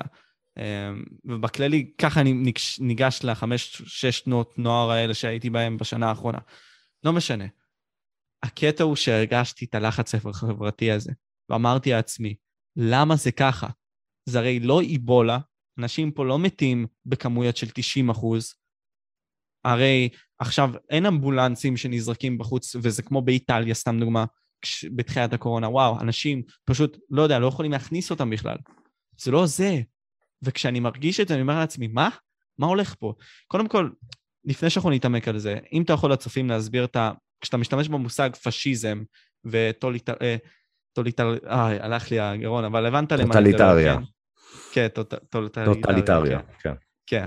Um, תסביר את המושגים האלה, כי אתה משתמש בהם הרבה, ואני מניח שיש כאלה שגם לא כל כך מבינים למה אתה אומר אותם. כאילו, פשיזם נזכר לי רק כמוסליני והיטלר. נכון, זה לא רחוק מזה, זאת אומרת, לא צריך לחשוב על מוסליני והיטלר כאינדיבידואלים, אבל, אבל בסופו של דבר פשיזם, אם תסתכל בהגדרה בוויקיפדיה, ואני בטח ובטח שלא אתקלם אותה מילה במילה, אבל בסופו של דבר זה, זה, זה הרעיון שהפרט אינו חשוב, מה שחשוב זה הכלל. זאת אומרת, mm. הפרט צריך לוותר על עצמו לטובת הכלל, וזה שגוי מהיסוד, כי מה זה הכלל? דבר ראשון, הכלל זה רעיון, זה לא ישות. אין דבר כזה הכלל, זה, זה, זה רעיון נטו. ומה שזה אומר, כשאתה מסתכל על הכלל, ממה הכלל בנוי? הוא בנוי ממלא פריטים. נכון? מלא פרטים, זאת אומרת, אני, אני, הזכות הפרט שלי, זכות הפרט שלך וזכות הפרט שלו, זה מלא אנשים שאמורים לאחוז בזכות הפרט שלהם, ובכך יש חברה שהיא בריאה, כי יש לה זכויות. ברגע שאתה בא ואתה משכנע את החברה שלפרט אין זכות, זאת אומרת שלכלל אין זכות. לא mm. יכול להיות זכויות לכלל אם אין זכויות לפרט. זה שוב מחזיר את הפונדמנטליות. תרד ל fundamental, fundamental זה הפרט. אם אין לו זכויות, כשאני מדבר עליו אתה חושב על בן אדם אחד, אבל כשאתה מבין שהשכן הוא גם בן אדם שצריך שיהיה לו זכויות, וה, וההוא גם צריך להיות לו זכויות, וכל מי שנמצא באצטדיון צריך שיהיה לו זכויות, וכל בן אדם שנוהג ברכב צריך שיהיה לו זכויות, וברגע שאתה לוקח את הזכות למסרב חיסונים, כן? סרבן חיסונים, קרא לזה, קרא לזה מה שאתה רוצה. ברגע שאתה יכול לקחת לא את הזכויות, אז יגיע היום שיהיה לך גם את הלגיטימציה לקחת את זה מהבן אדם שהתחסן רק פעמיים ולא שלוש, ואז שלוש ולא ארבע, ואז ארבע ולא חמש, או לא התחסנת בשפעת, או לא לקחת את הילדים שלך לבית ספר, או לא עשית את הדבר הזה שאמרנו, או לא עשית את הדבר, כל פעם זה יהיה משהו אחר. ויש איזשהו, אה, משפ... אני לא יודע, משפט, פתגם, סיפור, על בן אדם שאמר, באו לעצור את היהודים, ולא עשיתי כלום כי אני לא יהודי. ואז באו אה. לעצור את האינטלקטואלים, אבל אני לא אינטלקטואלי, אז לא עשיתי כלום. ואז באו לעצור את, ה, את החקלאים, אבל אני לא חקלאי, אז לא אמרתי כלום. ואז באו לעצור אותי, אבל כבר לא, היה, לא נשאר אף אחד להציל אותי. כי הוא לא נלחם בשביל אף אחד אחר, אתה מבין? ובר, ו, ובאיזשהו שלב, בעולם פשיסטי, סוציאליסטי, קומוניסטי, זה מגיע גם אליך. היום הרבה אנשים מסכימים שכולם צריכים להתחסן, והם לא רואים בכך את זה שהם פוגעים בזכויות של הלא מחוסנים, כי הם מאמינים שכולם צריכים להתחסן, ואם כבר הלא מחוסנים פוגעים בזכות לחיים או זכות לבריאות שלהם, שזה שקר, כן? ואז הם לא מבינים אבל שהיום זה אנחנו, מחר זה הם. כי ככה זה עובד. ככה זה עובד. אנחנו, מחר זה הם, זה חזק, זה נכון מאוד גם, זה ממש נכון. אתה יודע, כשאנחנו נגיד סתם הולכים כמו כבשים, סבבה? הרבה מאוד מאיתנו עושים, כולנו עושים את זה בסופו של יום בחיי, בחיי היום-יום, אין מה לעשות. אנחנו מקשיבים לג'ו רוגן, אנחנו מקשיבים ללקס פרידמן, אנחנו מקשיבים לזאתי מהחדשות, לזה מהחדשות, ואין מה לעשות, אנחנו מקבלים את האינפורמציה כי אנחנו לא יכולים לחקור הכל, אבל בהבנה הבסיסית של הדברים, כמו שאמרנו, ואני חושב שזה הדבר אולי יהיה הכי חשוב לקחת מהפודקאסט, אמ, זה ההבנה שהבסיס וההבנה של כל הדברים הללו בכל התחומים שאנחנו לוקחים בהם חלק ורוצים להשפיע בהם בעצמנו ובאנשים אחרים כחלק מדעותינו, אנחנו צריכים לדעת אותם טוב. כי אם אנחנו יודעים אותם טוב, אפשר לבנות את הבניין בצורה יותר טובה. ואני חושב שזה נכון לעשות את זה. אני אשמח אבל שניגע היום במשהו שקרה, אה, שראיתי היום, כן? היה את החיסון ילדים של בני חמש. ואני אמרתי לעצמי, אוקיי, עכשיו זה עמוק. עכשיו זה עמוק. וזה נוגע גם באוכלוסייה של הבת שלך, אה, כאילו, אני מניח, אה, עוד לא בעצם, אה, כן, נכון. הבת הבכורה שלך, אה, הבת הקטנה עוד לא, אבל אני שואל את עצמי, עד כמה זה מפחיד אותך כהורה, שיש כל כך הרבה אנשים שפשוט לא יודעים ויעשו את זה. מאוד, מאוד. כי אם יש משהו שבאמת אני נלחם עליו ואכפת לי מהם, זה הילדים ו- ואנשים שלא יכולים לבחור בעד עצמם, והם, והם הם תלויים באנשים, כמו שאמרתי מקודם, שהם בסך הכל בורים, והם, והם צייתנים לשווא, והם, והם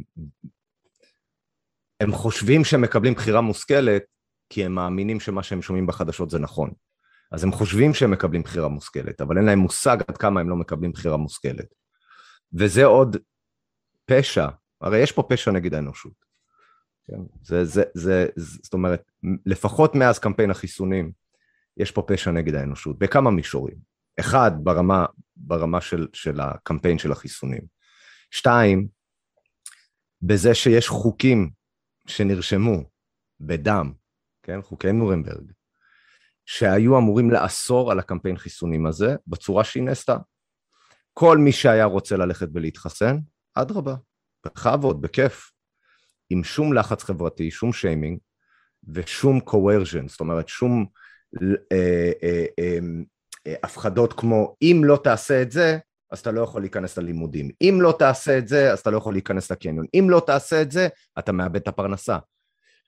כאילו זה משהו שברגע שראש משרד בריאות רק הוציא דבר כזה מהפה, היו אמורים להיות שוטרים מאחוריו, אוזקים אותו, מכניסים אותו לכלא על פשע נגד האנושות. זה מה שהיה אמור להיות. זה, זה היה האידיאל מבחינת איך שהעולם שלנו אמור להתנהל תחת חוקים שנרשמו בדיוק בגלל דברים שקרו שהם אותו דבר כמו היום.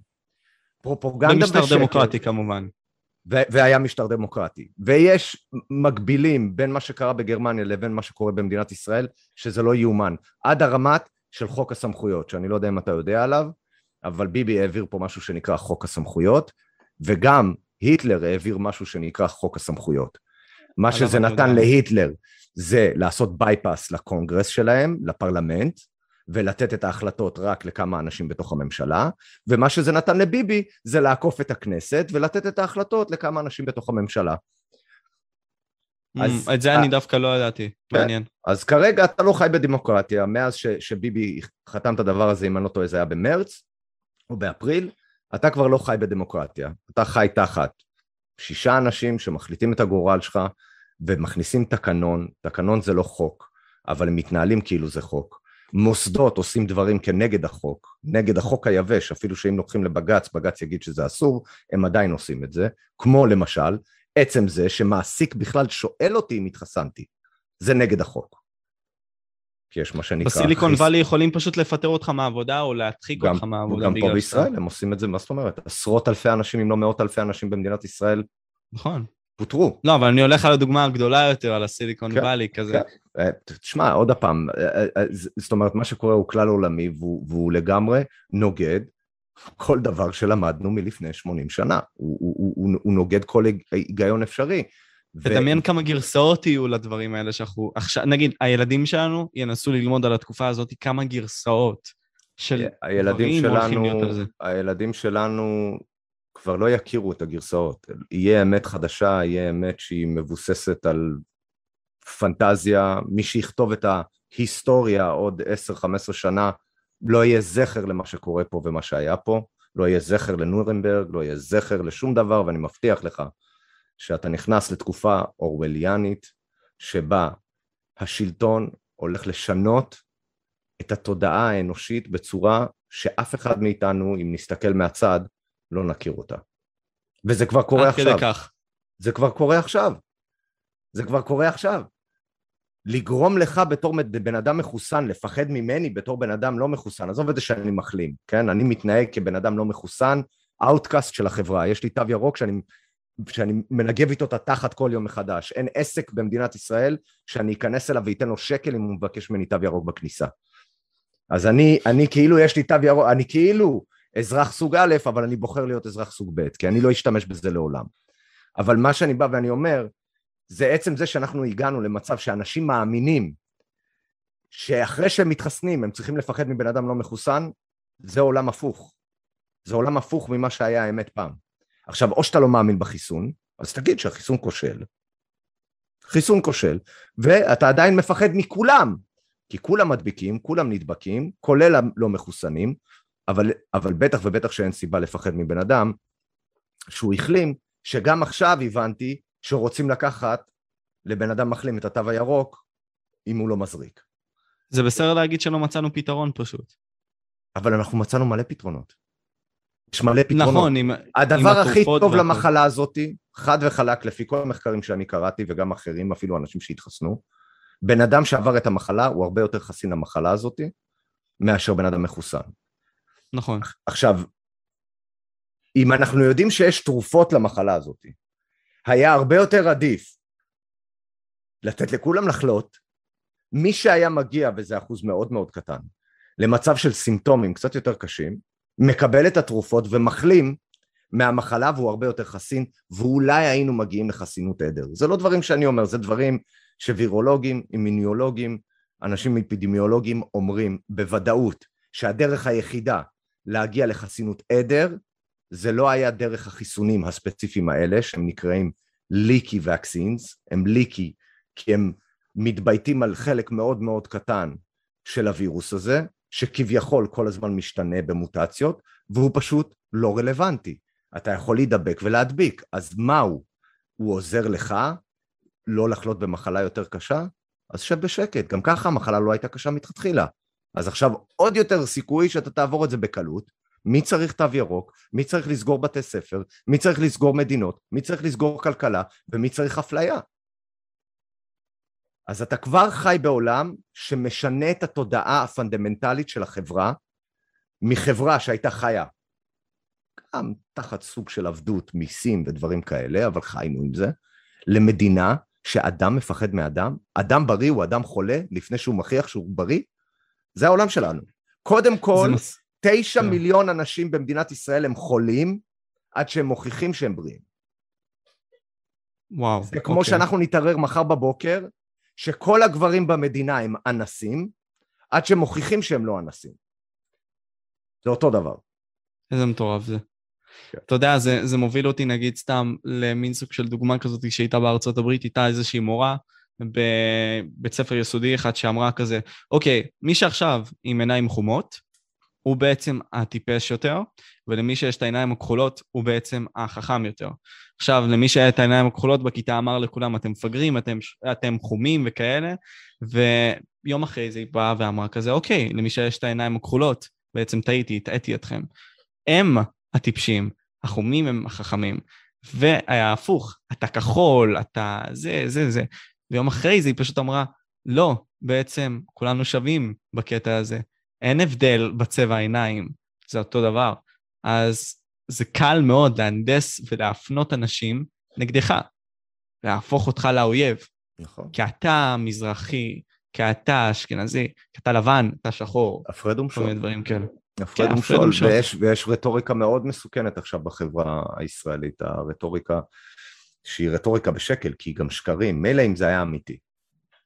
מילא כן. אם היינו מדברים על חיסון שבאמת עובד, שבאמת מחסן אנשים, שבאמת אה, אה, לא פוגע גם בהרבה אנשים, ועושה את העבודה שהוא אמור לעשות כמו כל חיסון אחר שאפשר להתווכח אם הוא עושה או לא עושה, אבל בוא נצא מנקודת הנחה שלא ראינו כזה לא, התנה, לא התנהלות חברתית, לא התנהלות ממשלתית, לא רפואית, בשום מחלה אחרת אי פעם.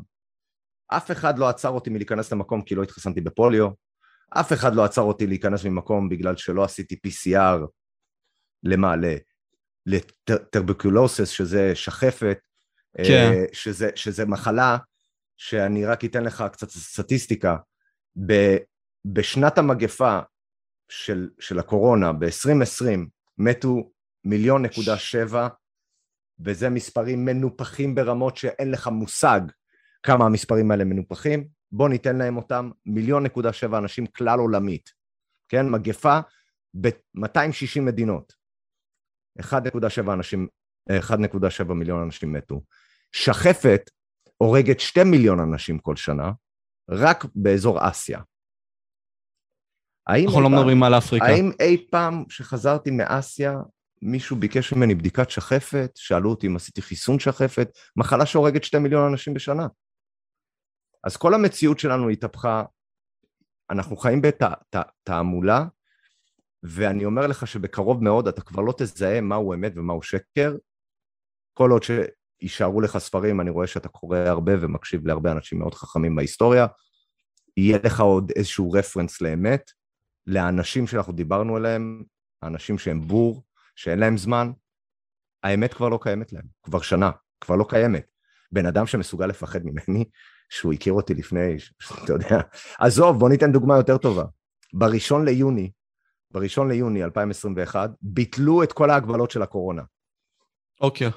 אנשים במדינת ישראל התנהגו כאילו אין מגפה יותר, כולם מתחבקים, הכל פתוח, אף אחד לא עם מסכה, כולם מתעטשים, כולם משתעלים, אף אחד לא מדבר על זה, לא מעניין אותם, חשבו שזה נגמר.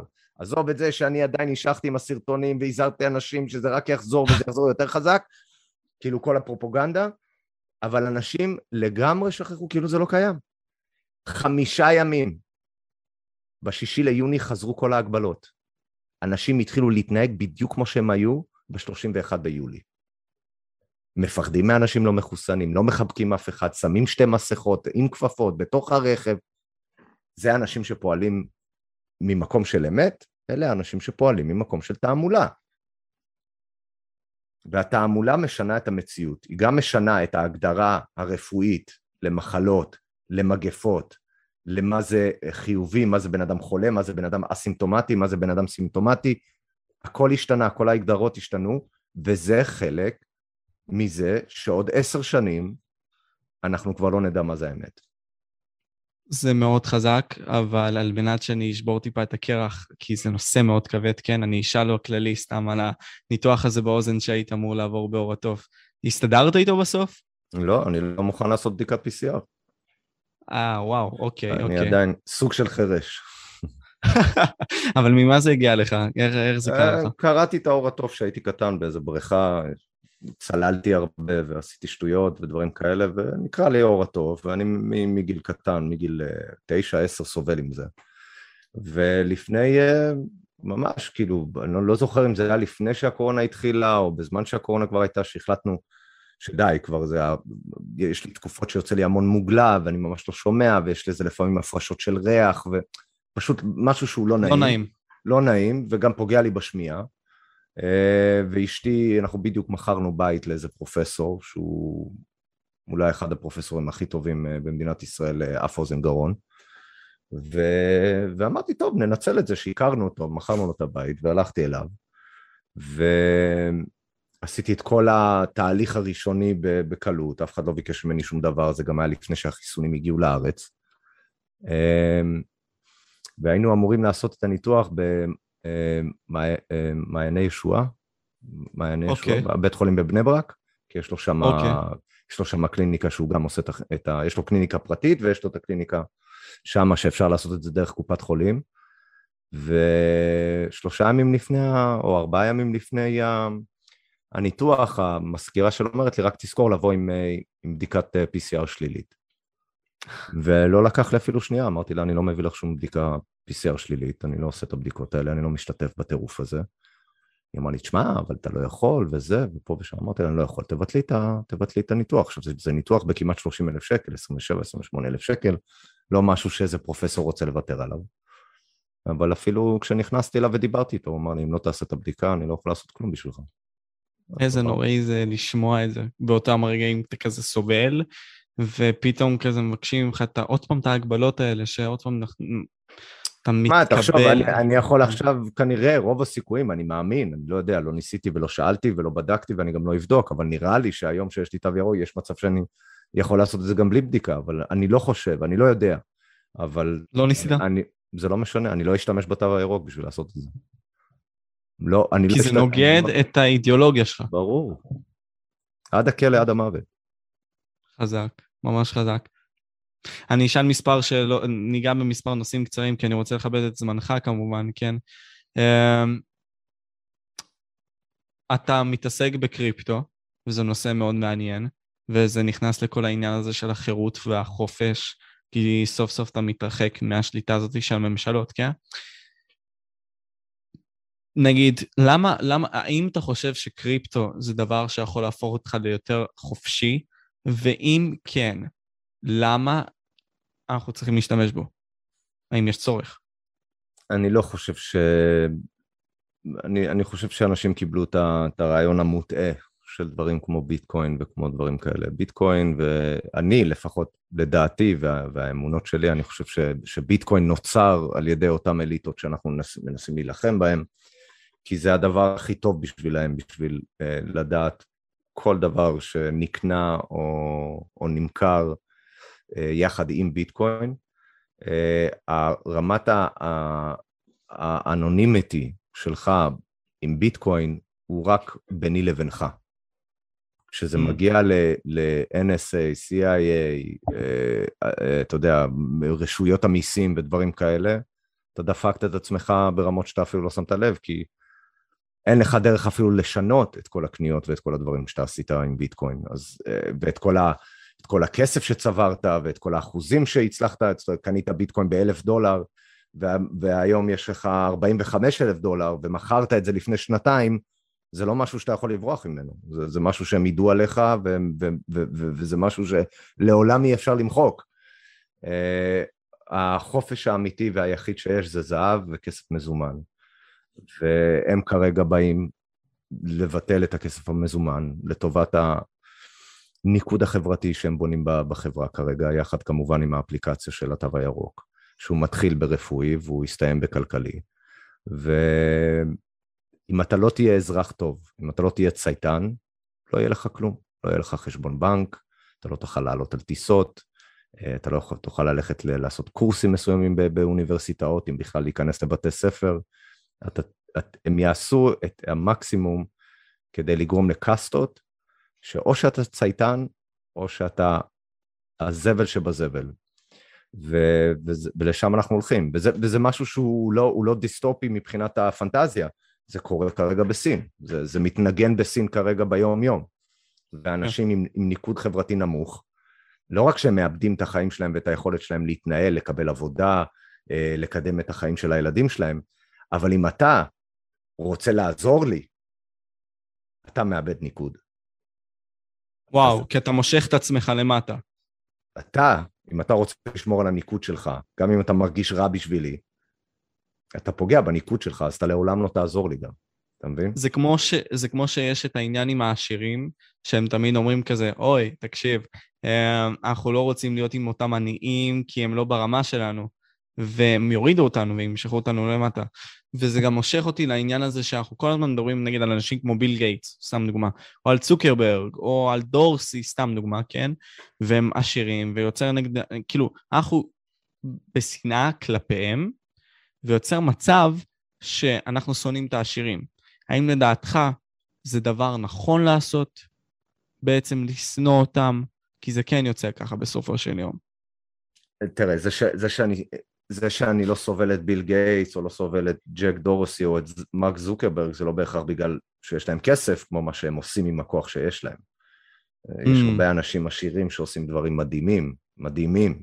יש אנשים שעושים דברים שהלוואי על כל בן אדם, אה, על כל בן אדם עשיר או עני, אה, להכיר בתכונות האלה ולדעת שיש אנשים עשירים שעושים דברים שלרוב אתה אפילו לא תדע עליהם, כי הם לא מחפשים על זה קרדיט.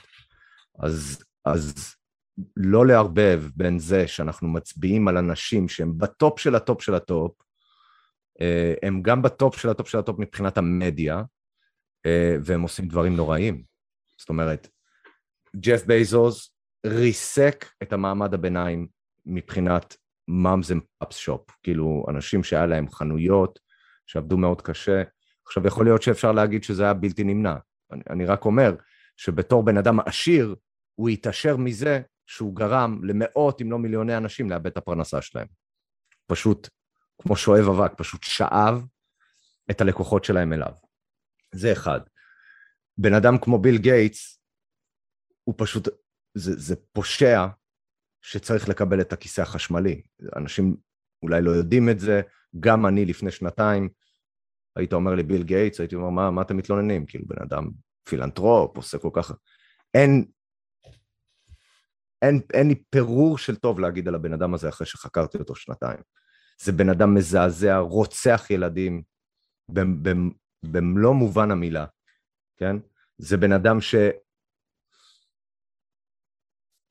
אולי, אולי אחד האנשים שהייתי רוצה להיות בחדר סגור איתו שלושה ימים. שאני לא אומר את זה על הרבה אנשים. ביל גייטס אחד מהם. פנטזיה, פנטזיה גדולה בשבילי, כן. כן. בן אדם מזעזע. בן אדם. מזעזע. ממה שנגיד הצגת, אפשר מאוד להבין למה. כי הרבה מאוד שחיתות מגיעה מהדבר הזה, והרבה מאוד רעל, והרבה מאוד השפעה שלו. בעצם נגיד, אם ניקח את הילדים באפריקה, הם מושפעים מזה כי אין להם משהו אחר. There is no way out, מה שנקרא. ובכל המקרים האחרים של הסלקשן, אמ, זה באמת כואב, ואני ממליץ לכם בדחיפות, במידה ואתם עכשיו הגעתם לרעיון לשלב הזה, אמ, להצטרף ל... בכללי לערוץ של איגנורנט צ'ימפ, ופשוט לעקוב אחריו ולראות את הדוקומנטריה הזאת שהיה שני פרקים. אמ, ואני אשאל עוד שאלה אחת. שתסיים את הפודקאסט בסופו של יום. מה השיעור הכי גדול שלמדת בחיים שלך?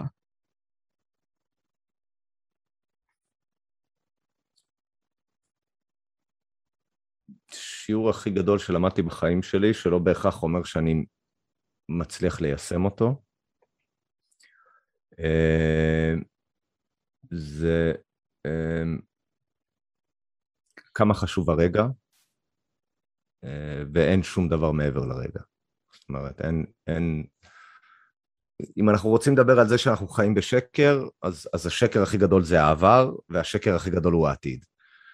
כי, כי כש, כשאתה חי את העבר ואתה לא סולח לעצמך על דברים מסוימים, או שאתה נותן לכל מיני דברים להשפיע עליך, זה טוב בשביל לעשות את השינוי וללמוד מהם ולהמשיך הלאה. אבל כשאתה חי את העבר, אז אתה הורס את ההווה ואתה בטח ובטח שהורס את העתיד. לחיות את העתיד, זאת אומרת, את הפחדים של העתיד, זה גם סוג של הזיה. כי, כי אתה לא באמת יודע שזה מה שהולך לקרות, ואתה דואג על זה עכשיו, אני לא מדבר על הקורונה ודברים כאלה, מדבר יותר על דברים, סתם, אנשים כל הזמן לחוצים עליהם. משהו שעוד לא קרה בכלל, ואתה כבר חי בלחץ, זה קצת הזוי. אה, אה, אבל כולנו, כולנו אשמים בזה, זאת אומרת, כולנו עושים את זה, כולנו, אף אחד כמעט לא חי את הרגע ותמיד חי או את העבר או את העתיד, אה, ומעט הפעמים שאנחנו עוצרים. זה, זה אולי הסיבה שאני, זה הלקח שהכי, כי, כי היה לי איזושהי תקופה שכן, ו, ופה עוד הפעם אני חוזר לעניין הזה שאין דבר כזה זכות בחירה, משהו שקרה לי במשך כמה חודשים, שגרם לי לחיות את הרגע, שינה את החיים שלי. וזה לא היה, ב, ב, לא, לא חיפשתי, לא, לא עשיתי מדיטציות בשביל זה ולא זה, זה משהו שפשוט נכנס בי, קרא לזה סוג של פסיכוזה אה, בגיל, אה, בגיל 21-22, וזה שינה לי את החיים, שינה לי איך שאני רואה את החיים, בני אדם, איך שכדור הארץ עובד, איך שהעולם הזה בכלל מתייחס לה, אה, למציאות, וכמובן לעניין הזה שאין לנו זכות בחירה. וזה לימד אותי המון, זה לא אומר שאני מצליח ליישם את זה, אבל אם אני צריך לחזור לאיזשהו עוגן, אז, אז אני חוזר לשם. ועוד דבר זה כמו מה שאמרתי לך, שבגיל יחסית צעיר, גם בסביבות הגילאי ה-19-20, שלמדתי כמה, כמה חשוב זה לדבר, לדבר אמת. ובזה שאתה מדבר אמת, אתה בסופו של דבר גם מתחיל להתנהל בצורה כזאת שאתה לא רוצה לספר אמת על דברים רעים, אז, אז אתה פשוט לא עושה דברים רעים. כן. תשמע, היה לי התענוג, חבר, כאילו באמת היה לי כיף, ממש נהניתי. Um, אני רוצה שתיכנסו עכשיו, במידה והגעתם עד לפה. בכללי, אני אעשה בהקדמה, אשים את הלינקים בתיאור לטלגרם, לאתר שממנו תוכלו למצוא את הקטעים שבעצם נמחקו מיוטיוב, במידה ולא תמצאו, וכמובן ערוץ היוטיוב שלו. אני אישית, היה לי התענוג, מקווה שגם לך. אמ, היה לי כיף, היה לי כיף, אחלה בחור, מאוד בוגר, מאוד כיף, אה, כיף, ואני גאה בך שאתה, שאתה עושה את זה, ו, ותמשיך ככה, תמשיך עם החלום ותמשיך עם... אה, אני אשמח להביא אותך לעוד כאלה, ושפשוט נשפר את האנשים ואולי ניצור איזשהו ניצוץ מסוים בחיים האלה לאותם אנשים שמנסים למצוא את הדרך שלהם כפי שכולנו ניסינו למצוא את עצמנו. אז עם כל הסיום הזה, אני רוצה להגיד לכם, אני הייתי וויטוק פודקאסט, משה, וזה היה גל שלו מאיגנורנט צ'ימפ, והיינו פה. תודה רבה.